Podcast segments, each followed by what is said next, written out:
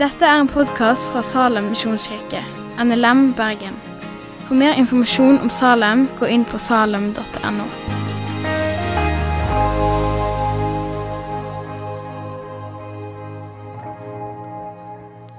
Finn dere en plass, og så går vi rett og slett bare i gang.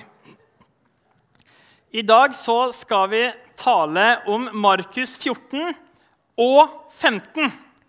Den eneste talen i denne taleserien som har to kapitler. Eh, Jeg er usikker på hva Gjermund og staben tenkte på når de ga meg den eh, oppgaven. Å klare å få to kapitler til på én tale. Men vi får se hvordan det går. Jeg har prøvd å legge opp talen på en litt sånn alternativ måte i dag, så jeg håper at det skal være greit for dere å følge med.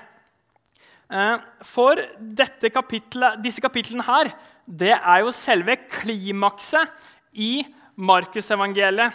De siste timene og dagene før Jesus dør på korset.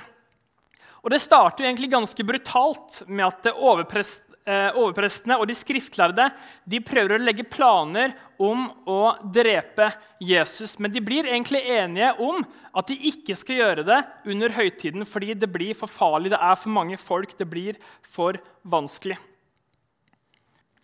Men hvis vi går rett til teksten, så ser vi for å få litt sånn kontekst, så ser vi at Jesus han er sammen med sine disipler hjemme hos en som heter Simon den spedalske. Og Der er de, der eh, spiser de sammen. Og så er det ei kvinne der som har med seg en veldig verdifull nardussalve fra Himalaya-fjellene. Som var verdt hele 300 denarer, eller dagslønner. Med andre ord en veldig kostbar salve. Og denne salven her begynner hun å salve over Jesus sitt hode. Til forargelse for de andre disiplene, som sier at ja, men, vi kunne jo brukt disse pengene på å gi til de fattige. Det er jo bortkasta penger. En så dyr salve. Og jeg er sikker på at jeg som er litt sånn økonomisk av meg, ville sagt akkurat det samme. Men det var faktisk Judas Iskariot som leda an dette her. Som var den første som sa det at det her er bortkasta penger. Det her er helt håpløst å bruke så mye penger på å salve Jesus til hans gravferd. Og jeg tror rett og slett at Judas Iskariot blir så sur at han går derifra. Denne talen her, den vil være delt opp i to deler. I første del han, eh, i kapittel 14 så vil det handle om forræderen og fornekteren. Forræderen Judas Iskariot og fornekteren Simon Peter. Og andre del, med eh, kapittel 15, vil handle om han som ble fordømt, og han som ble forlatt. Så dere får følge med litt senere hvem de to er. Vi skal gå til teksten fra Markus 14, vers 10. Og der står det Men Judas Iskariot, en av de tolv, gikk til overprestene og tilbød seg å utlevere Jesus. De ble glade da de hørte det, og lovet å gi ham penger. Fra da av søkte han en anledning til å forråde ham. Jeg sa i stad at overpresten overprestene og de skriftlærde hadde jo egentlig blitt enige om å ikke drepe Jesus i løpet av høytiden. Men når Judas banker på døra, så endrer de mening. Nå fikk de plutselig en insider, en fra Jesus sin innerste sirkel, som kunne hjelpe dem å få han drept. Etterpå dette så finner de et rom hvor de skal spise dette siste måltidet sammen. Og så blir det kveld, og så leser vi videre fra vers 17. Da det ble kveld, kom Jesus dit med de tolv. Mens de var til bords og spiste, sa han, sannelig, jeg sier dere, en av dere skal forråde meg, en som spiser sammen med meg. Da ble de bedrøvet, og den ene etter den andre sa til ham, det er vel ikke meg? Han svarte, det er en av de tolv, en som dypper i fatet sammen med meg. For menneskesønnen går bort, som det står skrevet om han. Men ved det mennesket som forråder menneskesønnen. Det hadde vært bedre om det mennesket aldri var født. Kontrasten her er enorm fra denne kvinnen som salva Jesus med en salve til 300 dagslønner. Judas var villig til å bruke sitt kjennskap til Jesus for egen økonomisk vinning. Og så kunne man kanskje tenkt at dette her var veldig mye penger. Men Judas fikk 30 sølvpenger, som tilsvarte ca. 120 dagslønner. Altså bare litt over en tredel av det som denne salven var verdt. Så mye, eller kanskje så lite, var han villig til å ofre Jesus for. Å sende han i døden det tenker jeg var tidenes dårligste handel. Og Etter dette her så innstifter Jesus nattverden. Men det er interessant å se det at når denne historien nevnes i Johannesevangeliet, så står det at Judas drar før nattverden innstiftes. Han er ikke med under nattverdsinnstiftelsen. Som jeg tenker igjen er en indikasjon på at nattverden først og fremst er et fellesskap for de troende. Vi skal lese videre eh, fra, kapittel, fra vers 43. Dette er mens de er i Getsemanehagen, og der står det I det samme, mens han ennå talte, kom Judas, en av de tolv, og med ham en flokk som var væpnet med sverd og stokker. De kom fra overprestene, de skriftlærde og de eldste. Forræderen hadde avtalt et tegn med dem. Den jeg kysser, han er det.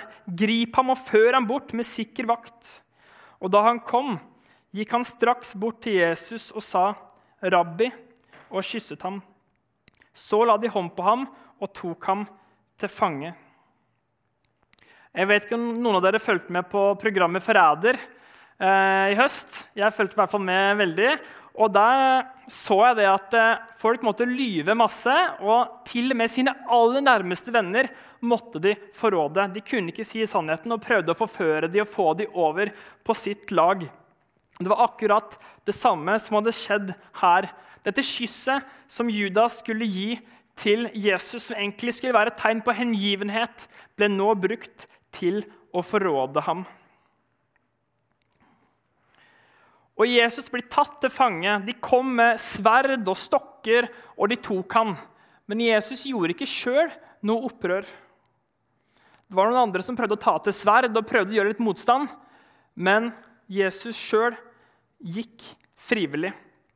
Men når Jesus blir tatt, så står det at alle flykta bort og forlot ham.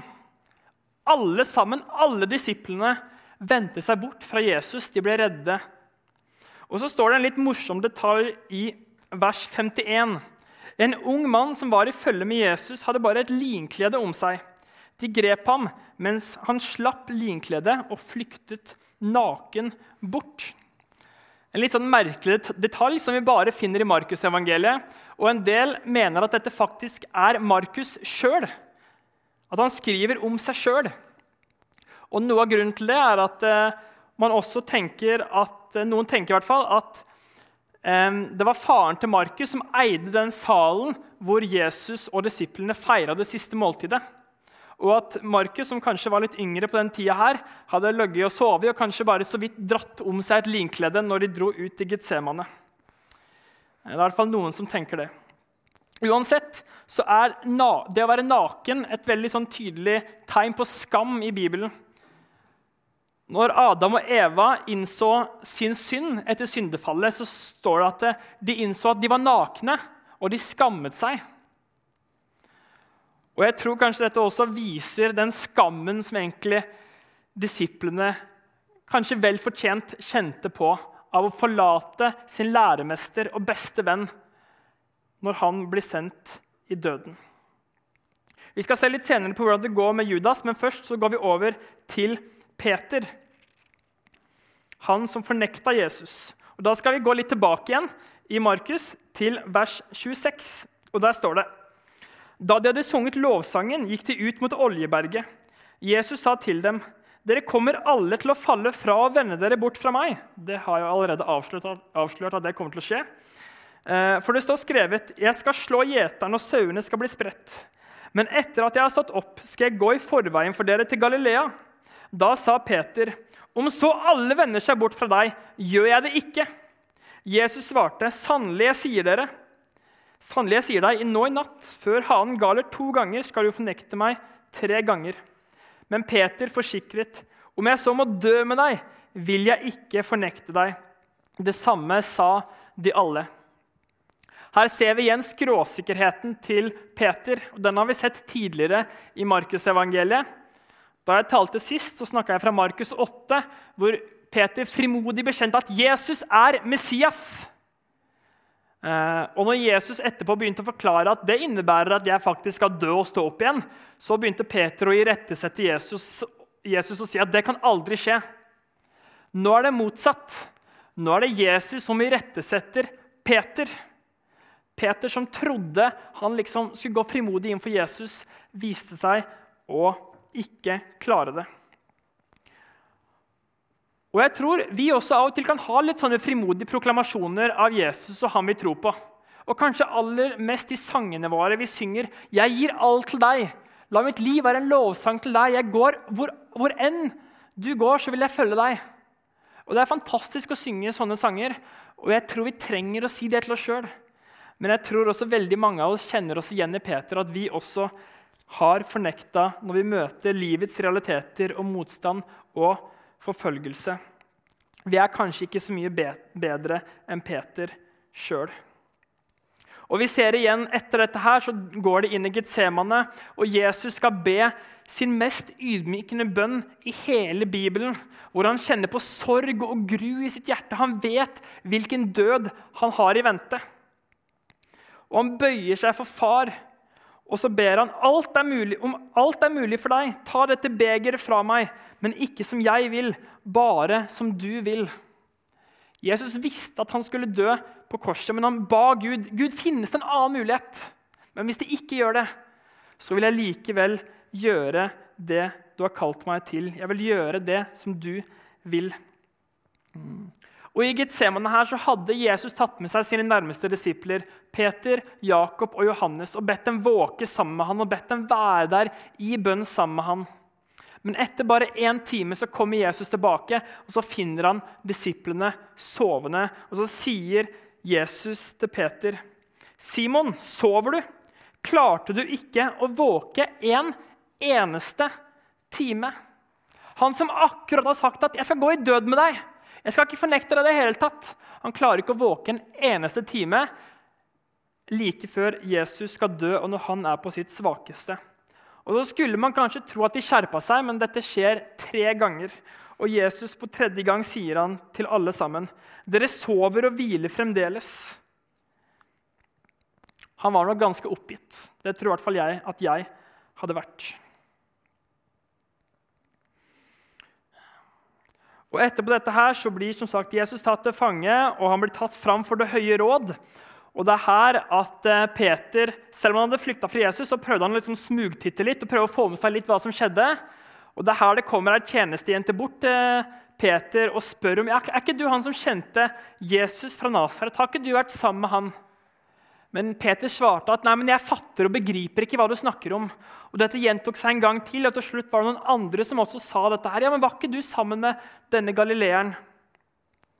Og Da banna og sverga Peter på at han ikke kjente Jesus. Så gol hanen, og Peter innså sin synd, og det står at han gråt. Judas Iskariot, forræderen, og Simon Peter fornekteren. To av Jesus' sine disipler som dagen før Jesus skulle dø, vendte seg bort fra han på to ulike måter. Og nå skal vi se litt på kontrasten mellom Peter og Judas. Hva var det som skjedde med dem? Judas Det står at han også angra sin synd etter det han hadde gjort. Han angra synden sin. Men hvor var det han gikk når han angra? Jo, Det står at Judas han gikk til overprestene. Han gikk tilbake igjen til dem. Det står at han tok sølvpengene og kasta dem inn i tempelet. Men hva var det overprestene sa da, Peter, nei, da Judas bekjente sin synd for dem? Han sa, De sa, 'Vi bryr oss ikke.' Vi bryr oss ikke om at du bekjenner din synd til oss. Det får være din egen sak. Og Da Judas hørte det, så gikk han ut, hengte seg og tok sitt eget liv. Og Senere så leser vi også om at innvollene hans falt ut. Jesus hadde sagt det om han som skulle forråde Jesus, at det var bedre om han aldri var født. Og Det pekte på den dommen og den døden som Judas skulle få. Det gikk ikke så veldig bra. Men hva skjedde med Peter? Han får en litt annen historie. I slutten av Johannes så leser vi om at Jesus møter han og spør Peter tre ganger elsker du meg, elsker du meg, elsker du meg.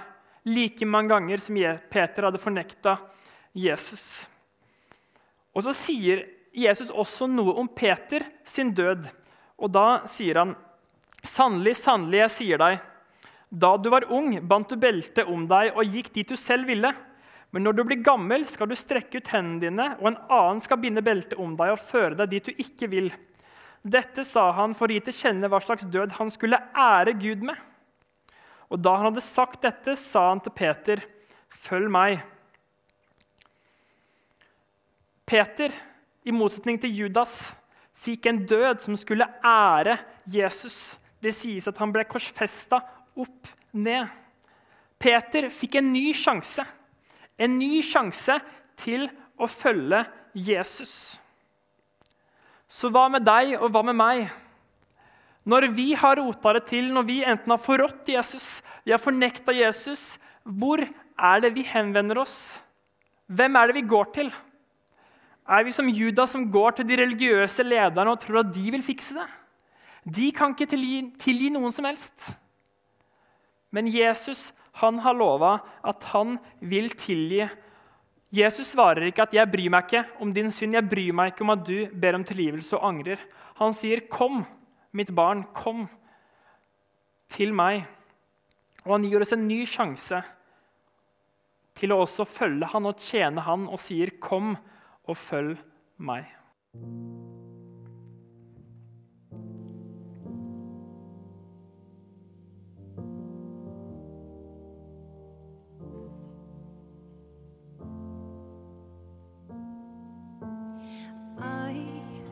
Was so rich. I remember who I was. I was lost, I was blind, I was running out of time. Sin separated, the bridge was far too wide. But from the far side of the chasm, you held me in your sight. So you made a way across the great divide, left behind heaven's throne to build it here inside. And there at the cross, you paid a debt I owed, broke my chains, freed my soul for the first time I. Thank you, Jesus, for the blood applied. Thank you, Jesus, it has washed me white. Thank you, Jesus, you have saved my life, brought me from the darkness into glorious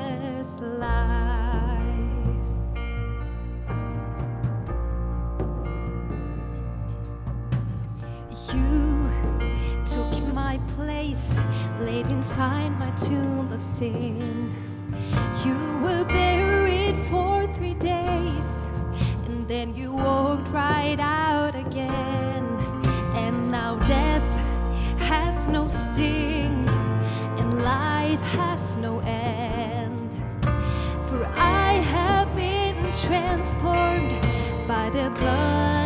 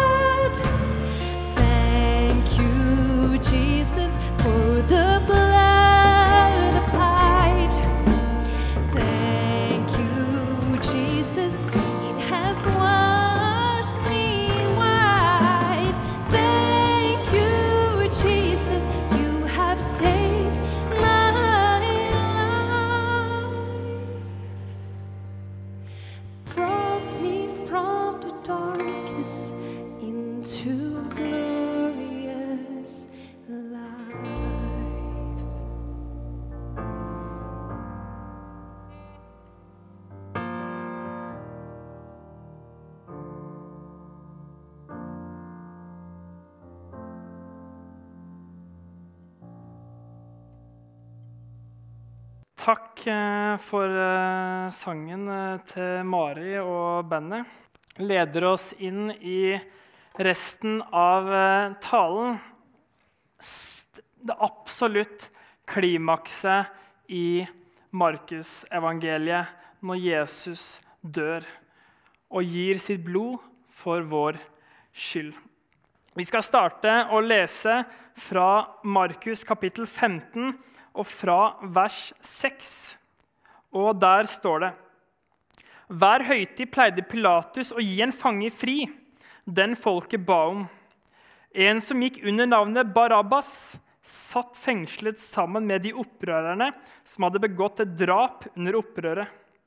Da mengden møtte opp og begynte å be Pilatus gjøre som han pleide, svarte han, 'Vil dere at jeg skal løslate jødenes konge?' For han visste at det var av misunnelse overprestene hadde utlevert Jesus. Men overprestene egget opp folkemengden, så de ba ham gi Barabbas fri i stedet. Pilatus tok på ny til orde. Hva vil dere da jeg skal gjøre med han som dere kaller jødenes konge? Korsfest ham! skrek de tilbake. Pilatus spurte hva ondt har han da gjort? Men de skrek bare enda høyere. Korsfest ham! Pilatus ville gjerne gjøre mengden tilfreds. Han ga dem Barabbas fri, men lot Jesus bli pisket og overga ham til å bli korsfestet. Jesus står fram for Pilatus for å bli dømt til døden. Men som vi leste, så finner egentlig ikke Pilatus noe feil med Jesus. Hva galt har han egentlig gjort? Har han egentlig noen grunn til å måtte bli korsfesta? Nei, han hadde ikke noe av det etter romersk lov. Men i kapittel 14 noe som vi ikke gikk gjennom i sted, så, så vi det at Det høye råd de prøvde å anklage Jesus. Men de klarte ikke å finne noe på han, så de måtte komme med falske vitnesutsagn om han som ikke stemte overens. Men til slutt, når Jesus sa at han var Guds sønn, så sa de at han må bli skyldig til døden pga. blasfemi, pga. Guds bespottelse. Nå har vi hørt hans egne ord. Han må dø. Han blir spytta på, han blir piska og han blir slått før han blir sendt til Pilatus. Men Jesus blir ikke stående der alene, for det kommer en annen fange fram.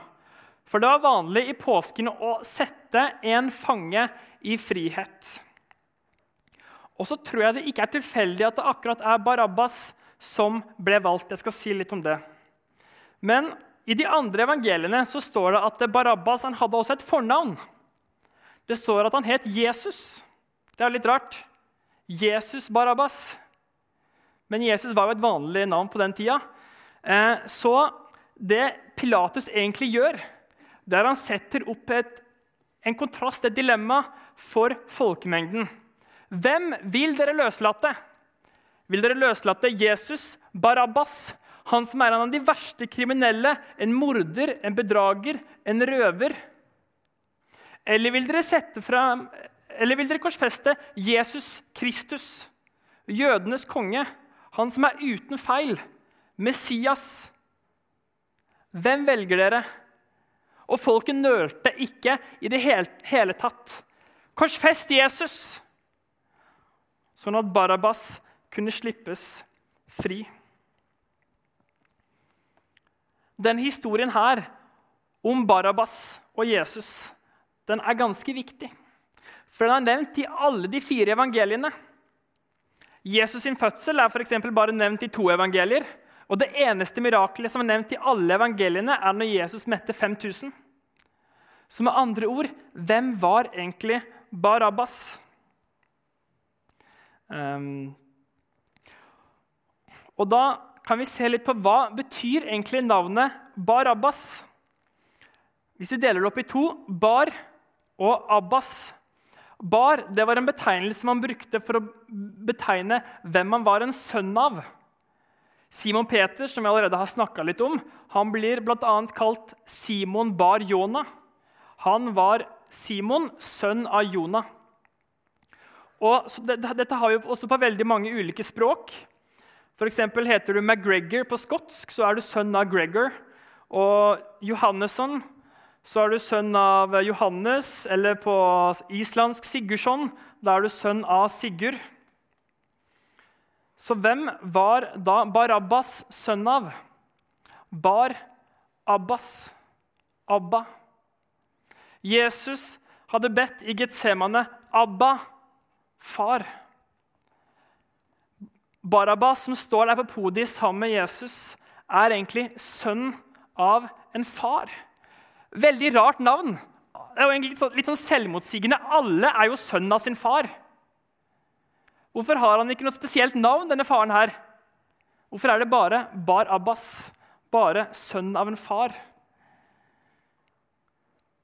På mange måter tror jeg det egentlig kunne vært at Barabbas han er et bilde på meg og på deg. Vi som alle er sønn av, eller datter av våre fedre. Han kunne like godt hett sønn av Eller han kunne like godt hett alle sammen. Barabbas, han som sto på podiet sammen med Jesus, han som var skyldig til å dø, synderen, ble sluppet fri, mens Jesus, den uskyldige, han måtte ta straffen som han ikke hadde fortjent. Kontrasten mellom dem er enorm. Og Barabas han kunne sikkert tenke det at ja, det er folkemengden som satte meg i frihet. De ropte at jeg skulle bli sluppet fri. Og så var det derfor jeg ble satt i frihet. Men jeg tror at Barabas ble satt i frihet pga. Guds kjærlighet. Barabas er den første personen som kan si at Jesus døde i mitt sted. Jesus døde istedenfor meg.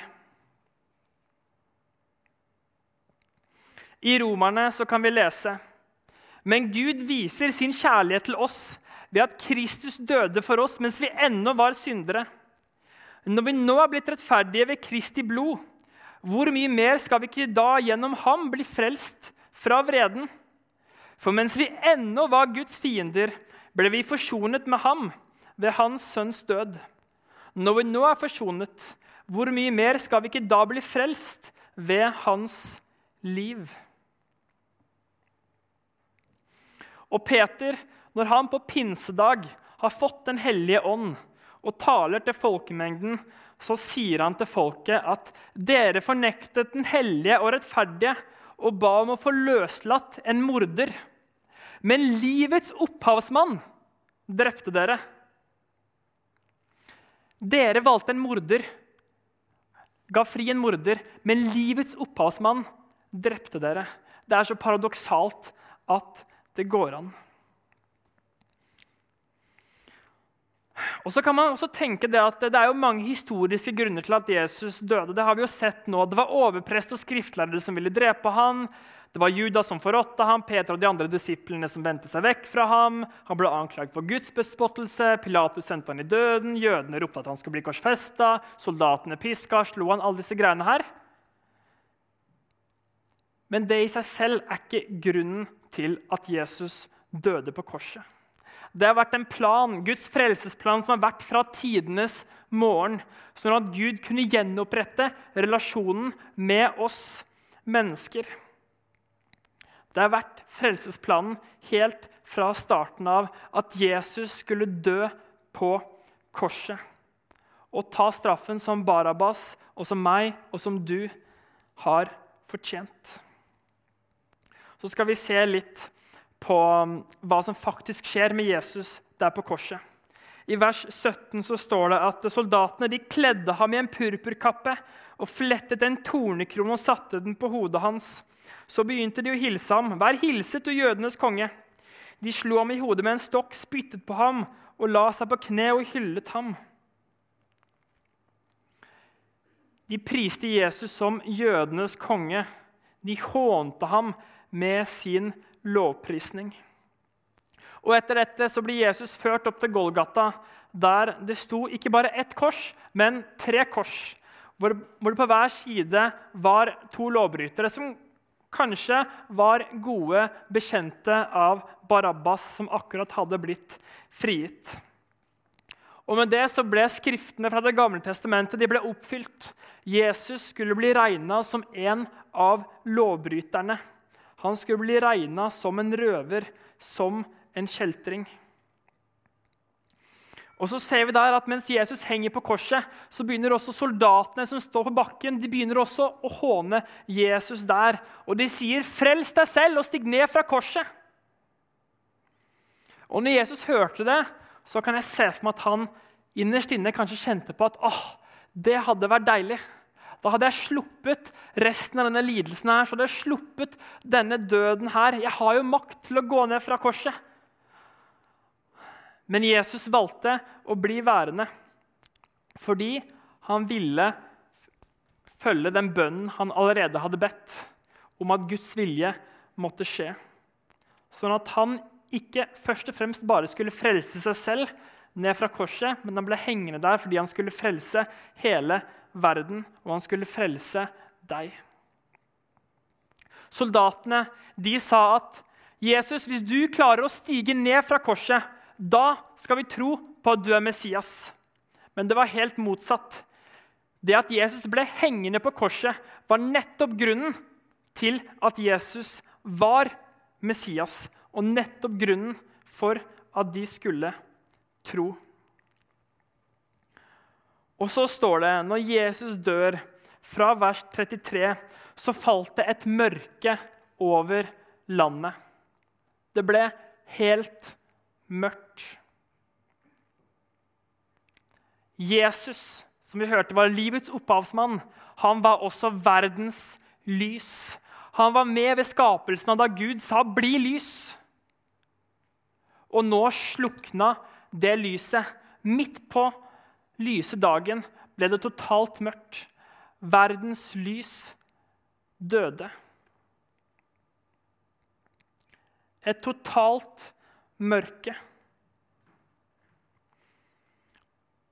Og Det er i det øyeblikket at Jesus sier de velkjente ordene Min Gud, min Gud, hvorfor har du forlatt meg?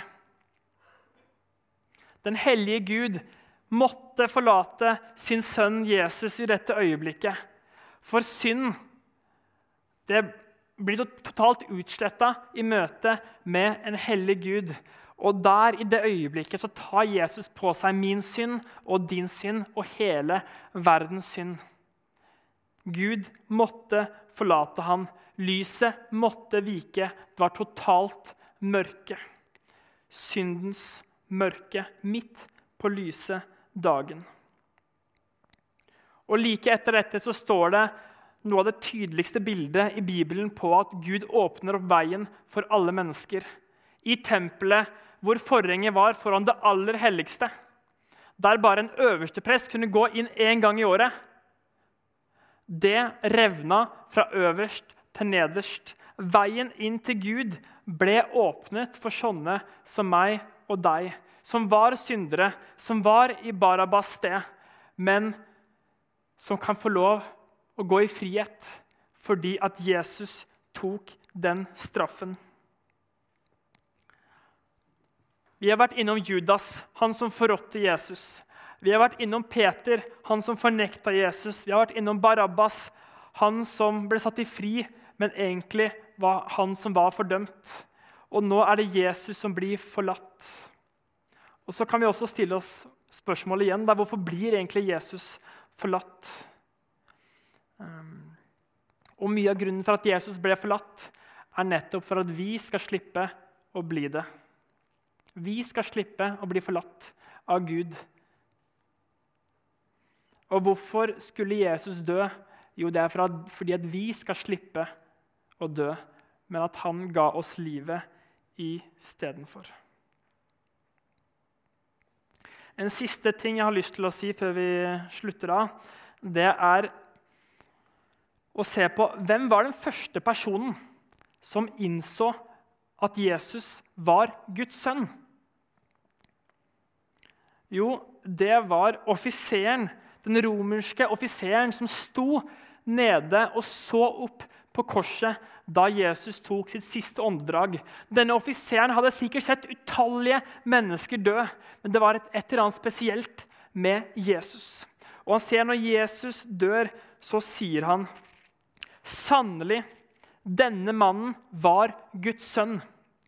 En romersk ikke-jøde, en hedning, er den første personen som bekjenner Jesus sin sanne identitet.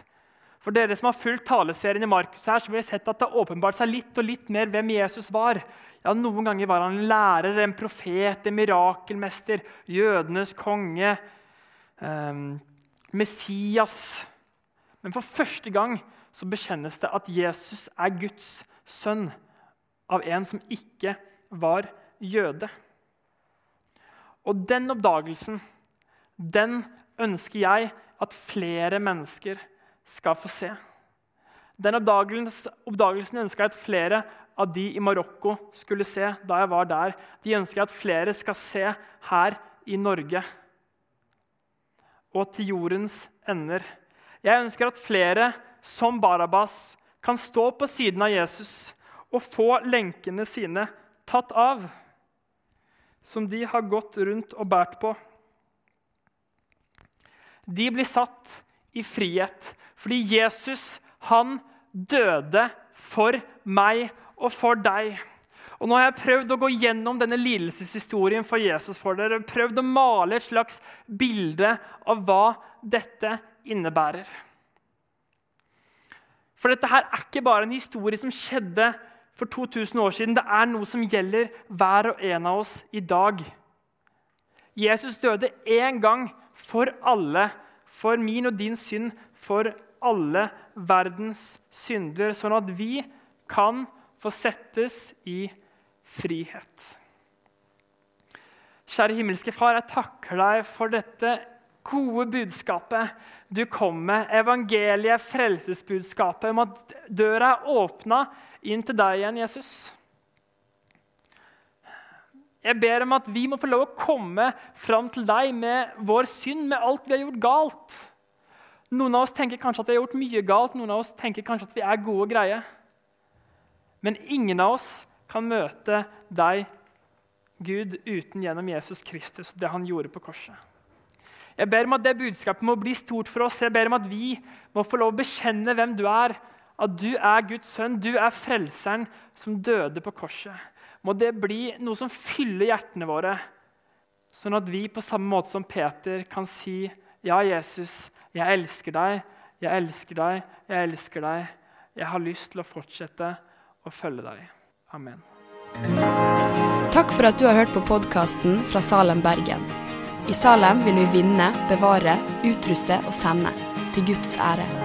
Vi ønsker å se mennesker finne fellesskap, møte Jesus og bli disippelgjort her i Bergen og i resten av verden. Vil du vite mer om oss, gå inn på salem.no.